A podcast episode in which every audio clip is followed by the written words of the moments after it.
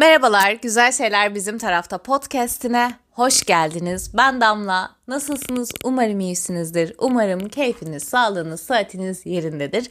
Son bölümden sonra yine sizden şahane mesajlar aldım. Çok yakın arkadaşlarımdan da mesajlar aldım. Bazen burayı dinlediklerinde günlüğümü okuyormuş arkadaşlarım gibi geliyor. Ve araya mesafeler girse de çünkü yakın arkadaşlık sadece sık sık konuşmayı, sık sık görüşmeyi e, ifade etmez. Aslında kaldığınız yerden devam edebilme gücüdür. Yıllar da geçse, aylar da geçse.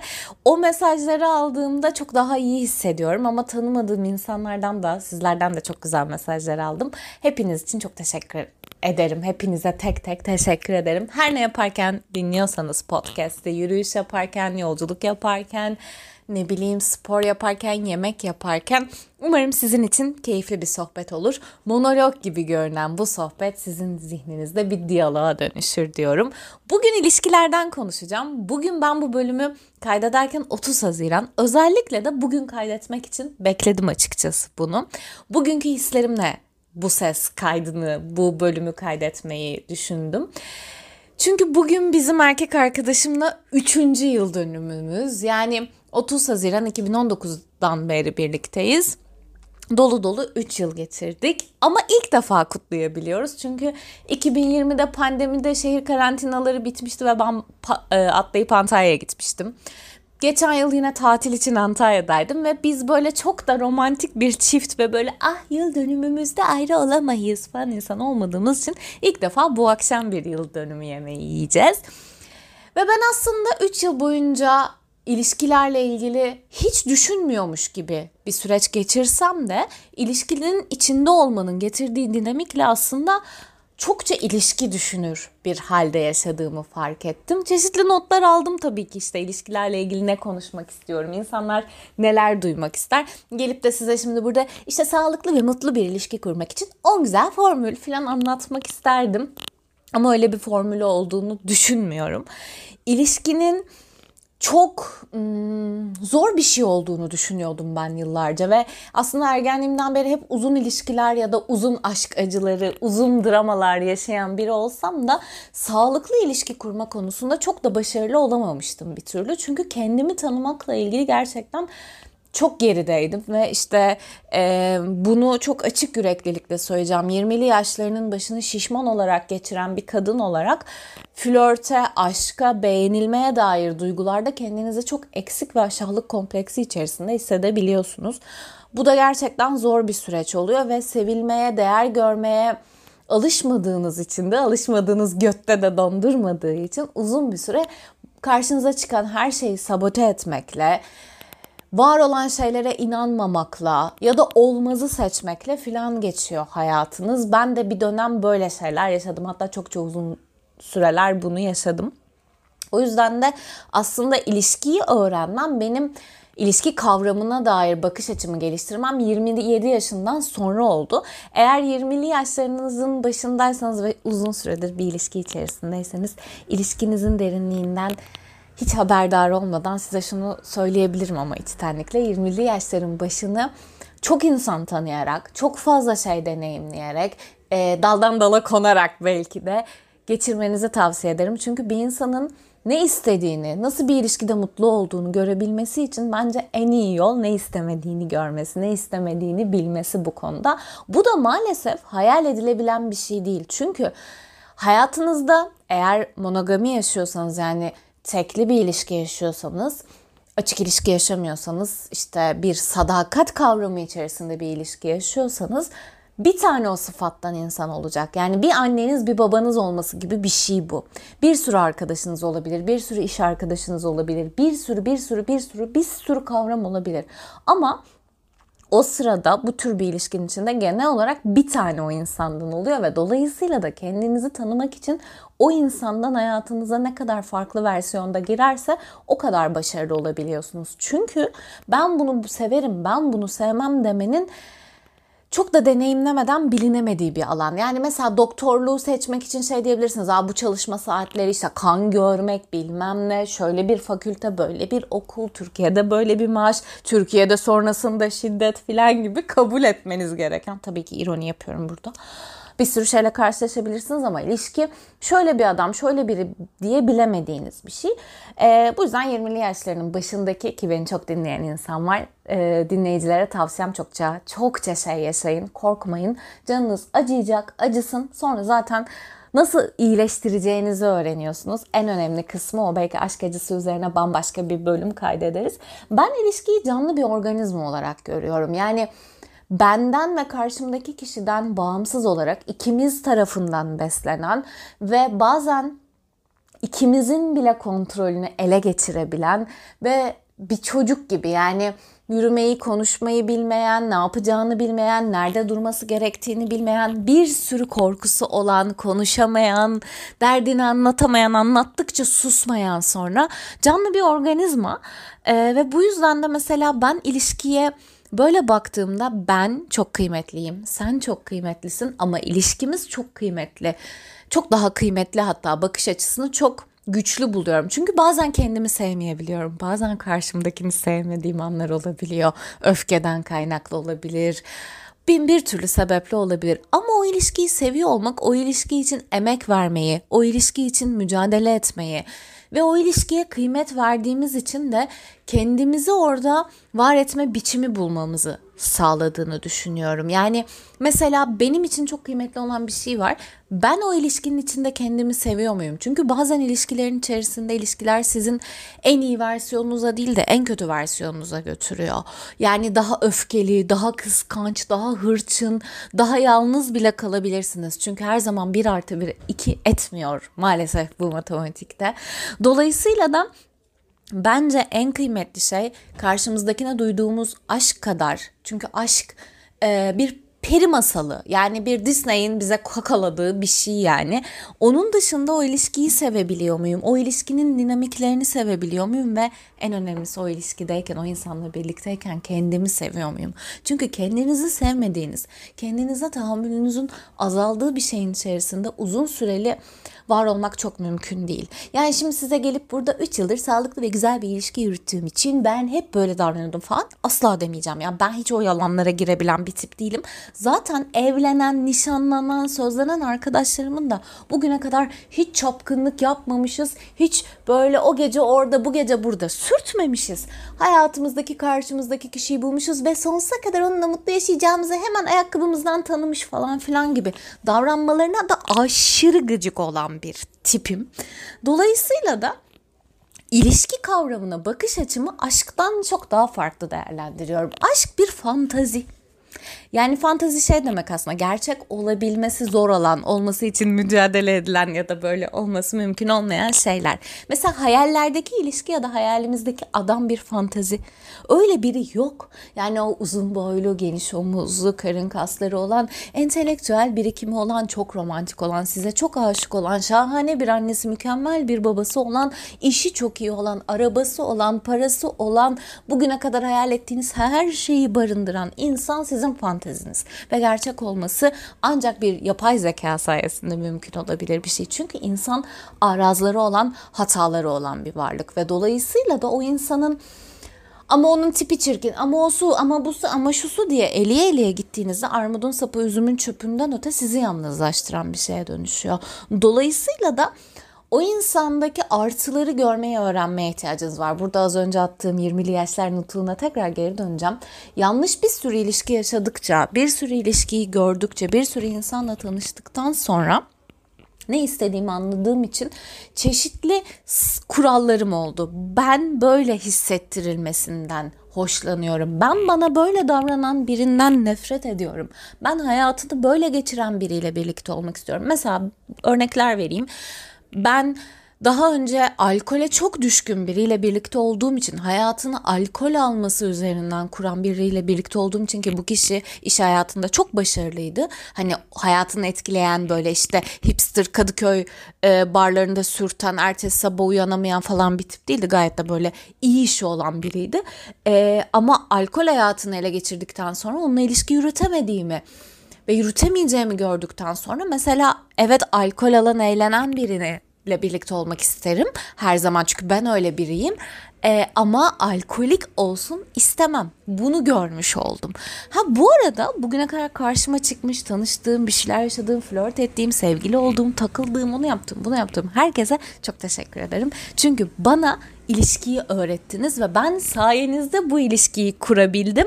Çünkü e, neyi ne yapmam gerektiğini, ne yapmam gerek gerektiğini öğrenebilecek çok fazla şey yaşadım. Bin bir türlü ilişki türü var. Az önce de söylediğim gibi tek eşli misiniz değil misiniz? Bence bir ilişkinin türünün adının ne olduğu hiç önemli değil. Takılmak, fuck buddy, flört, evlilik, nişanlılık, sözlülük her ne yaşıyorsanız ikiniz aynı noktada mısınız? Yani biriniz ya ben aslında şu an seninle atıyorum, yatıyorum, kalkıyorum, geziyorum, tozuyorum derken diğeriniz evlilik hayalimi kuruyor. Biriniz için tek eşlilik çok önemli bir kavramken diğeri zaten başkalarıyla görüşmenin planları ve hatta hareketleri içerisinde mi? Bunlarda açık ve net olmadığımız sürece konuşamıyoruz. Yani mesela ben çok açık net söyleyeyim. Erkek arkadaşımla biz bunu başta konuştuk ikimiz de böyle mi düşünüyoruz? Aynı noktada mıyız? Ha aynı noktaya gelebiliyor muyuz? Gelemiyor muyuz? Yani karşınızdaki size ben şu an ciddi bir ilişki istemiyorum. Ben sorumluluksuz bir şey istiyorum derken ve siz o sırada o ilişkiyi ya da herhangi bir ilişkiyi arıyorken orada kalırsanız o ilişkiye dönmeyecek. Siz götünüze tekme yiyeceksiniz ya da siz onun götüne tekmeyi vuracaksınız. O ilişki öyle bitecek.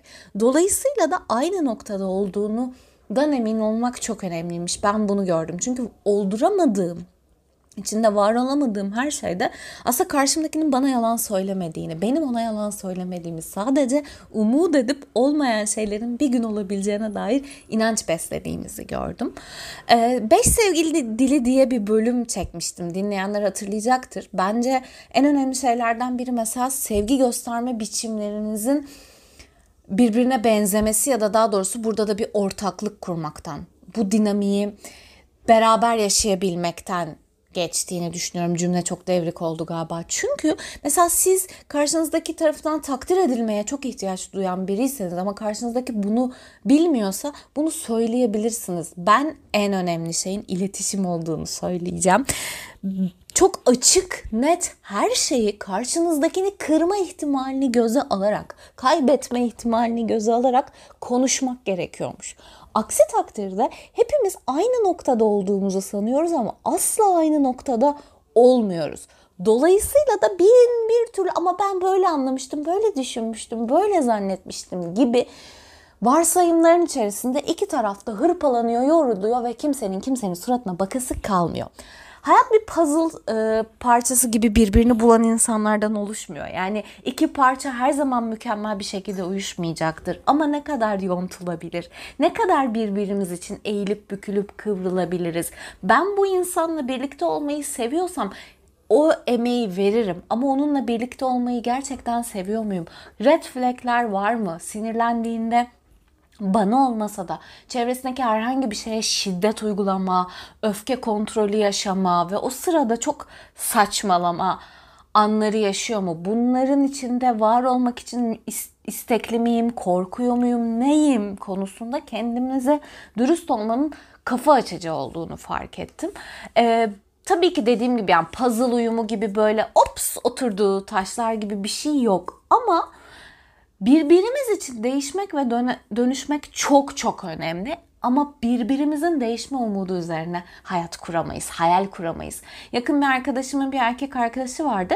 Ya başta görünen şey şuydu. Aptal, sıfır entelektüel birikim, gerçek bir e, duygusal gelişmemişlik yaşının da sebebiyle ve gerçekten iyi bir kalp ama kötü bir sevgililik ve karşısındaki kadınları aşağılayabilen biri. Kadınları sadece onu siktim, mınna yattım, mınna kalktım falan diye kullanan, konuşan onlar hakkında bir tipti. Ee, arkadaşım onunla birlikte olduğu süre boyunca onun başka bir şeye dönüştüğünü, aslında onun öyle olmadığına dair inandığı bir sürü şey yaşadı. Halbuki ona da çok büyük saygısızlıklar ettiği, kendi aşağılık kompleksini bastırmak için karşısındaki kadına kıskançlık sıfatı altında psikolojik şiddet uygulamaya giden bir sürü an yaşandığı durum oldu ve sonunda ayrıldılar. Dedik ya ama böyle biri değildi. Hayır abi senin aldığınla bıraktığın aynı. Sen sadece bir yatırım yaptın. Bu değişir mi dedin ve değişmedin. İnsanoğlu değişir ve dönüşür. Ama bunu kendisinin istemesi, kendisinin arzu etmesi, ona ihtiyaç duyması lazım. X kişisinin hayatında var olmak için, onunla birlikte olmak için kimse dönüşmez. Siz de dönüşmeye çalışmayın. Biri de sizin hayatınızda, sadece sizin hayatınızda var olmak için dönüşmeye çalıştığını, değişmeye çalıştığını söylüyorsa ona inanmayın. Çünkü oradaki itici güç bir başkasının bakış açısıyken o sonsuza kadar sürmeyecek. Dolayısıyla da onu sonsuza kadar sürdürebilecek ve gelişmişlik seviyesi sizinle aynı olan biriyle olmak çok önemliymiş. Ha tabii ki her konuda herkes eşit bilgi, birikim, kültür ve gelişmişlikte olmuyor. Hepimizin ya ben aptala tahammül edemem. Aptal birine, işinde iyi olmayan birine tahammül edemem. Ha kariyeri mükemmel olsun, çok iyi para kazansın benim önceliğim değil. Ama benim önceliklerim vardı. Dolayısıyla önceliklerinizi iyi belirlemek çok önemli. Bazı arkadaşlarımın var yine böyle bir başka yakın arkadaşım kabul etsin ya da etmesin. Karşısındaki kişinin maddi durumu onun için önemli. Çünkü bir şekilde hayatın ona getirdiği şeyler sebebiyle kendini güvende hissetmiyor. Hayatındaki bütün ilişkileriniz bir paternin içerisindeyse bu olumsuz paternler içinde de öyle olumlularda da yani sizin bütün ilişkileriniz sizden çok daha fazla paraya sahip maddi güce sahip birileriyle birlikte oluyorsa o bir seçimdir. O tesadüf değildir. Sizden daha az maddi güçte ya da daha atıyorum bazı alanlar işte demeyeyim daha çirkinse bu da bir seçimdir. Bu da bir tercihtir. Siz hep çok yakışıklı çok güzel birilerine gidiyorsanız bunlar seçim ve tercihtir. Bunların sebeplerini bulmak ve dönüştürmek tabii ki psikolojinin terapinin konusudur. İkili ilişkilerde bence en büyük problematik şey karşımızdakini bize mutlu etmesi gereken bir mekanizma olarak görmekmiş. Onun hayattaki görevi beni mutlu etmek değil. Benim hayattaki görevim onu mutlu etmek olmadığı için biz birbirimizi mutlu etmeye, mutlu bir ilişki yaratmaya sorumluyuz ve bundan beslenmeliyiz. Tabii ki mutsuz anlar olacak. Bir kere ilişki lineer, güzel bir süreçte de gitmiyor. Her zaman yukarı zaten çıkmıyor. Anlık çok yukarı ve anlık çok aşağı iniş çıkışlar oluyor. Her zaman mükemmel bir ilişki olacağını düşünüyor insan ya da böyle demeyeyim belki böyle düşünmüyor ama o kadar o kadar o kadar iyi gidiyor. Bu ilk görüşte aşklar bilmem neler Allah'ım ne kadar mutluyuzlardan o siktir bu osuruyormuş. Tabii ki osuruyor. Bu sinirleniyormuş. Tabii ki sinirleniyor. Dolayısıyla da bin bir türlü haline okey olabilmek ve bunun tek bir yolu var. Artısı, eksisi, eksisi. Mühendis olanlar ya da e, böyle yönetici pozisyonlarında çalışanlar iyi bilecektir. SWOT analiz diye bir analiz vardır. İşte zayıflıklarınızı, zaaflarınızı, avantajlarınızı, dezavantajlarınızı, risklerinizi falan analiz edersiniz. Bence ilişkiyle ilgili sık sık bu analizi yapmaya ihtiyacı var insanın. Bir de ilişki dönüşecek şey. Ee, ve her dönüştüğü noktaya okey miyiz? Yani her an değişebilir bu. Hayatta bir sürü şey değişecek. Yurt dışına taşınabilirsiniz, işiniz değişebilir, maddi gücünüz değişebilir, sağlığınız değişebilir, bin bir türlü şey değişebilir ve o değişen şeylerin ilişkinin o doğrusal olmayan sürecine müdahale olmamasını beklemek saçma. Her şey onun içerisinde, her şey politiktir gibi ülke gündemi dahi ilişkinin bir parçası ve her değişen şeyde kendinizi çek etmek ve burada niye okey değilim, bunun için ne yapabilirim diye bakmak bence süreci çok çok sağlıklı bir yere götürüyor. Yani benim ilişkimle ilgili mesela dürüstlük kavramıyla alakalı kafamın açıldığı ilk şeylerden biri şuydu. Hala da böyle. 3 yıldır biz Serkan'la erkek arkadaşımla e, beraber olmaya başladıktan sonra benim Serkan'ın arkasından konuştuğum ve onun yüzüne söyleyemeyeceğim, söylemediğim hiçbir şey olmadı. Erkek arkadaşınızın ya da kız arkadaşınızın ya da işte hayatınızdaki kişinin partnerinizin arkasından birileriyle konuşup bunu ona söyleyemiyorsanız oradaki ilişkinin sağlıklı olduğundan bahsedemeyiz. Çünkü sizin bir bubble'ınız, bir balonunuz olmalı. Evet Tabii ki dertleşiyorum. Tabii ki Serkan'a çok sinirlendiğimde e, Furkan'ı arıyorum, İrem'i arıyorum, onu arıyorum, bunu arıyorum. Söylüyorum ama o sakinliğe geldikten sonra bazen ilk onunla kavga ettikten sonra o süreci yaşadıktan sonra onunla konuşmaya dö- dönüyorum.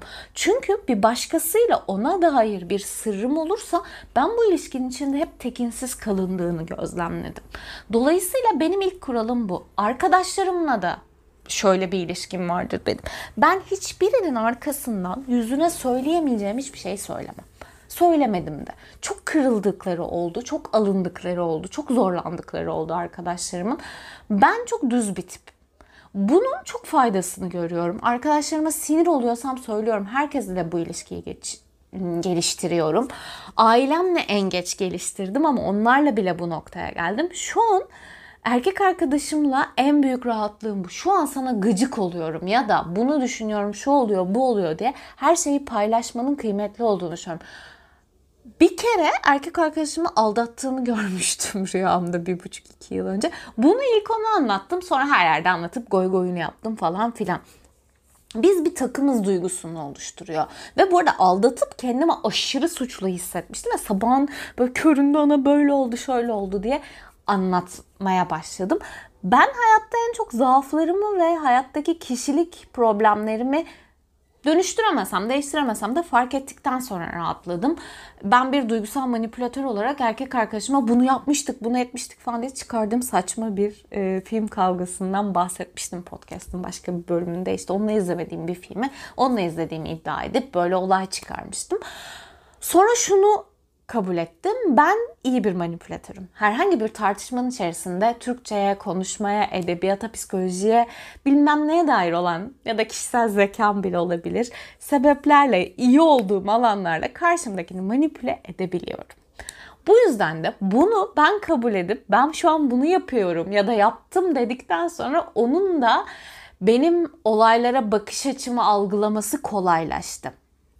Bu arada yani erkek arkadaş, sevgili, partner hayattaki en önemli kişi değil. Ben yıllarca hep şey dedim.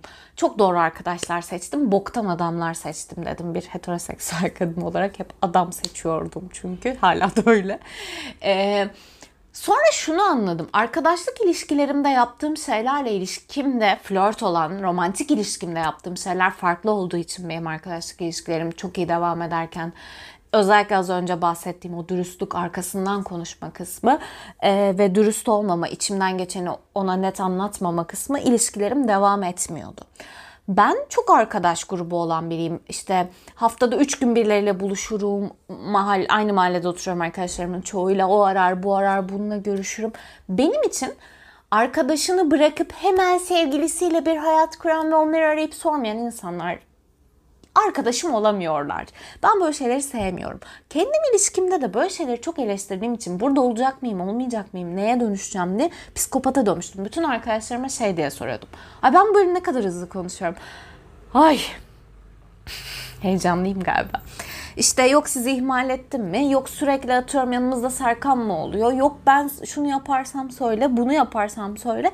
Kendime sürekli polislik yapıyordum. Sonra ben onu saldım ve zaten su akıp yolunu buldu. Bir süre böyle bıç bıç bıç sevgiliyle birlikte olmak da çok normal. Ama sonra iki sosyal çevreyi bir araya getirmeyi deneyebilirsiniz. İki tarafta birbirinin sosyal çevresinde var olmayı deneyebilir. Ha şu çok sağlıksız. Siz onun sosyal çevresindeki insanları artık arkadaşınız olarak görüp onlarla sosyalleşiyor, onları tanıyor, onlarla vakit geçiriyorsanız ama o sizin çevrenizde bunu yapmıyorsa bu çok büyük bir problem. Bu e, lojistik sebeplerle oluyormuş gibi görünse de bu aslında ilişkide kimin patron olduğunun göstergesi. Bunun değiş ettiği tek bir kural yok. Eğer siz de arkadaşlarınızla aranıza mesafe koymak istemiyorsanız. Eşit sayıda eşit şekilde olmak zorunda değil. Ama iki tarafında birbirinin arkadaşlarına vakit ayırma çabasında eşit olması gerekiyor. Bunu mesela biz şöyle sağladık. Benim bazı arkadaşlarım artık onun da arkadaşı. Onun bazı arkadaşları artık benim de arkadaşım. Ama birbirimizin çevresinden sevmediğimiz insanlar olmadı mı? Oldu tabii ki. Yani ben çok açık ve net söyleyeceğim. Erkek arkadaşımın bir kuzeni var. Yani Eşekler tepelesin en kibar haliyle. Sevmek zorunda değilim. Onunla ortak müşterekte erkek arkadaşımın hayatını kolaylaştıracak şekil ve biçimde ilişkiyi yürütmek zorundayım ki hiç vakit geçirmemek mesela benim için bu. Çünkü sonra suratına küfür etmek isteyeceğim. E bunu da edemeyeceğim ayıp olmasın diye. Ya da onun benim çok hoşlanmadığım hoşlanmadığı arkadaşlarım oldu. Onunla onları çok denk getirmiyorum. Ha terbiyesizlik yapıldığı koşul ve durumlarda karşınızdakinin sizi ne kadar koruduğu, ne kadar saygı gösterdiği önemli. Çünkü siz bazen o sadece onun arkadaşı, işte ne bileyim akrabası, onun X, Y'si, Z'si diye tepkiyi gösteremiyorsunuz. Ondan bekliyorsunuz. O bunu yapmıyorsa işte o bir red flag. Ben bu red flag'i konuşmanın, çözmenin çok önemli olduğunu düşünüyorum. Eğer hayatınızdaki kişinin ailesinden biri takıntılı bir şekilde size kötü davranıyorsa gerçekten orada sizin çözebileceğiniz bir şey yoktur. Ya da sizin hayatınızdaki biri partnerinize kötü davranıyorsa orada sorumluluk sizdedir. Bu noktada net olmak gerekiyor. Yani birbirinizin yancılarını hayatta birlikte getirdiği her şeyi sevmek zorunda değilsiniz. Ama seviyormuş gibi yapmayın. Çünkü o bir yerde patlıyor. Karşınızdakinden sadece benim tarafımda olu beklemek de değil. Beraber biz bir takımız ve bu takımın bozulmaması için senin sorumlulukların ne, benim sorumluluklarım ne. İlişkiyi büyüten şey iletişim. Konuştukça, kavga ettikçe, barıştıkça, küstükçe, anlaşamadıkça ve sonra tekrar anlaşmanın yolunu buldukça o ilişki büyüyor, büyüyor, büyüyor. Çığ etkisiyle bir canlı organizma oluyor. Bir bebekten bir ergene dönüşüyor ve sonra muhtemelen yetişkinliğe dönüşüyor. Her şeye bakış açınız benzemeyeceğini başından beri söylüyorum. İşte zevkleriniz uymuyor olabilir. Ama birbirinizin keyif aldığı şeylere vakit ayırmaya gönüllü müsünüz ya? Mesela ben yeni tutkum voleybol. Erkek arkadaşım çok sevmiyor. Eminim sıkılıyor bazen. Benimle stada geldi. Sadece ben çok orada olmak istiyorum diye. Ben onunla Doctor Strange izledim.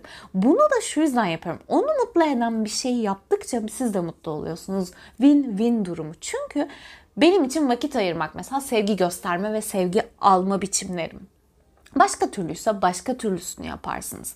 Beraber rutin oturma, oturtmak, ritüeller bulmak, beraber bir ailenin kuralları gibi iletişim dilinin ve o bebeğin, o yetişkinin dilini, yaşama biçimi, onun varoluşunu oluşturmak bence çok kıymetli bir şey.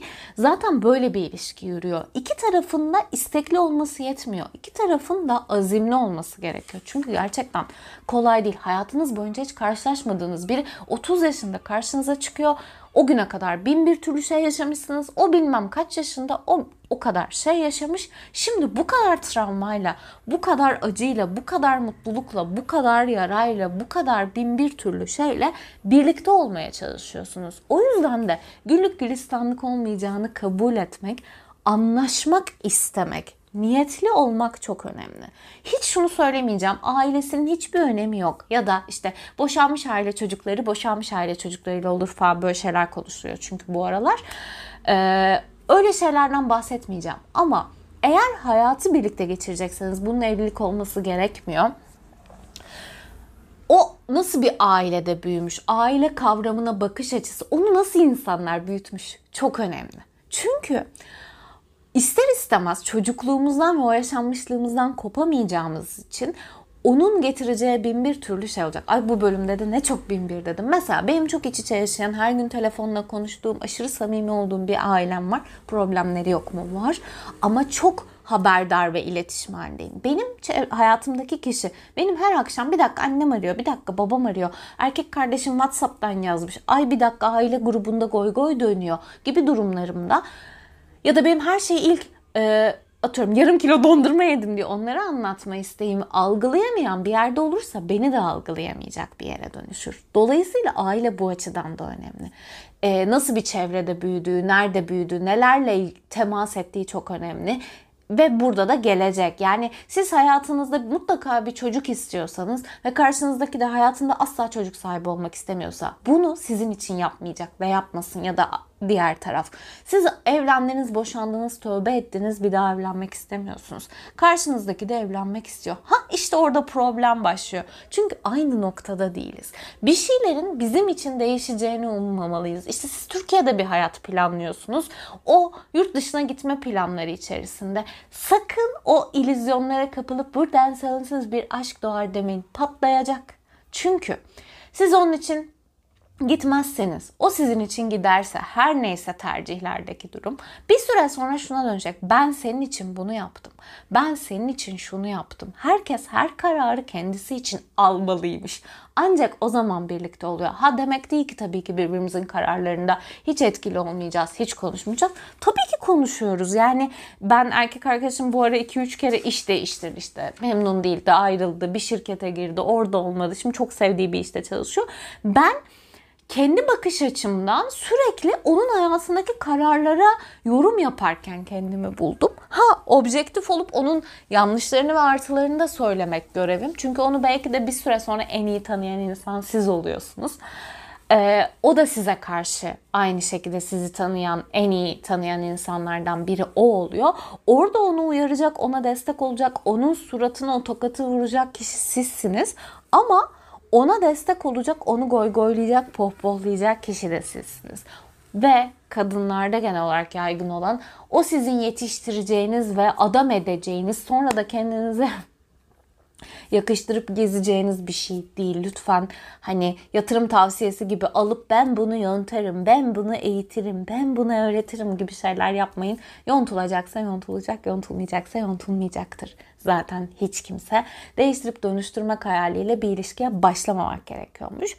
Kendi ilişkimden yola çıkarak uzun süreçtir zihnimde bunların geçtiğini fark ettim. Ha en önemli şeylerden bir tanesi de şu kıyaslamamak. Yani Ahmet'in ilişkisinin dinamiğiyle Mehmet'inki benzemeyecektir. Sizin Ahmet'le Mehmet'e karşı davranışınız da birbirine nasıl benzemiyorsa başkalarının ilişkilerindeki dinamikler, onların beklentileri, onların arzuları, onların kuralları sizin ilişkinizde yemeyecektir. Dolayısıyla onlar atıyorum işte tatile giden bir çift biz niye gitmiyoruz? Ya maddi gücünüz aynı mı? Ya da atıyorum onlar kamp tatili seviyor. Siz 5 yıldızlı bir otele gitmek istiyorsunuz her ilişki farklıdır. İşte biz hiç konuşmayan bir çiftiz, hiç birbirimizi aramayız diyenler var. Bık bık mesajlaşan var. Ben mesela komik video atarım gün içinde, komik bir şeyler konuşurum. Akşam işte haberleşirim, konuşurum, işte görüşürüm, buluşurum, vakit geçiririm. O zaman dinlerim.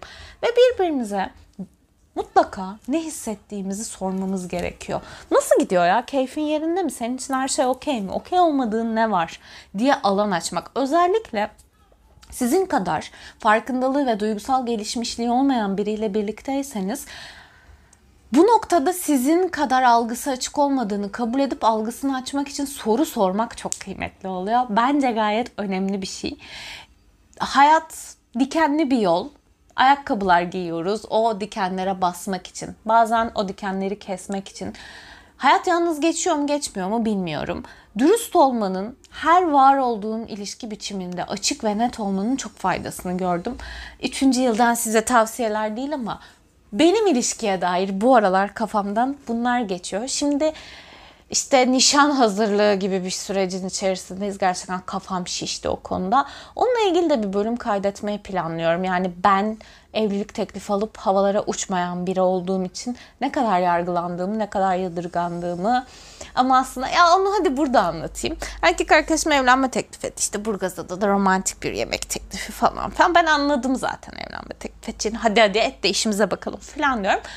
Ve böyle goy goyunu yapıyoruz. Mesela benim niyetim onun kalbini kırmak değil. Ben bu böyle iletişim kuruyorum. O da benimden tamam istediğim zaman yapacağım. Yüzüğü unuttum falan gibi şakalar, komiklikler yapıyor. Bu bizim ilişki biçimimiz. Başka biri için Damla Sarkan'a kötü davranıyor gibi bir yerden algılanıyorken bizim için bizim iletişim dilimimizde bambaşka bir yerde duruyor. Ki sonrasında mesela o gün Vakıfbanka Şampiyonlar Ligi şampiyonluğu maçı vardı. Ki ben o güne plan yapmayalım diye 30 kere söylemiştim. Ee, ve oturduk maçı izledik. Bu başkası için ya sana adam evlenme teklif etmiş sen gittin e, onu mu izledin? Evet arkadaşım çünkü benimle onu izlemekten keyif alan ki bir buçuk saat falan sürüyor maç yani biriyle birlikteyim. E, beni anlayan biriyle birlikteyim. Ben zaten öyle biriyim. Aklım oradayken falan yapabilecek biri değilim ben. Ve sonra insanlara da işte evlenme teklifi aldığımı ICDS falan deyip yüzük paylaşıp Instagram'da yapmadım. Çünkü ben o değilim. Bizim ilişkimiz öyle bir ilişki değil. Ee, bunun için takdir aldım, tebrik aldım, eleştiri aldım. Bin bir türlü şey yaşandı üzerine fikir yürütüldü. Çünkü her şeyi bir sınıra bir kalıba sokuyor insanlar. Halbuki hiç önemi yoktu mesela benim için. Her, erkek arkadaşım için çok önemliydi evlenme teklif etmek. Benim için önemli değildi. Benim için başka şeyler önemliydi. Ben de o başka şeylerle ilgileniyorum. Şimdi bu işte nişan, hazırlık, e, düğün ve bu konularla ilgili de bir bölüm çekeceğim ama burası tabii ki tatlı gelinin telaşı moduna dönmeyecek. Sonraki bölümde hem bir beslenme çantası gelecek hem bambaşka konularla ilgili tatlı tatlı konuşmayı planlıyorum. Ama aklımda bir şey var. Bana buradan sorularınızı ben böyle e, takipçilerine soru sor diye bir buton var. Onu da bırakayım. Belki oraya yazabilirsiniz. Instagram'da damlaydı olarak atabilirsiniz ya da güzel şeyler bizim tarafta podcast at gmail.com'dan atabilirsiniz. Arkadaşımsanız lütfen siz de atın. Merak ettiğiniz hayatımla ilgili bir, bir sürü şey olabilir yani. Ee, yaşım, kilom, okuduğum okuldan tutun da işte şu filmi beğendin mi ya da işte şu konuya nasıl bakıyorsun gibi aklınıza geçen gelen her şeyi bana mesaj olarak, mail olarak atarsanız çok sevinirim. İsimsiz e, cevaplayacağım soruları. Sizden gelecek soruları bekliyorum. Sonraki bölümde görüşünceye kadar hepinizi öpüyorum. Kendinize çok iyi bakın. Hoşçakalın.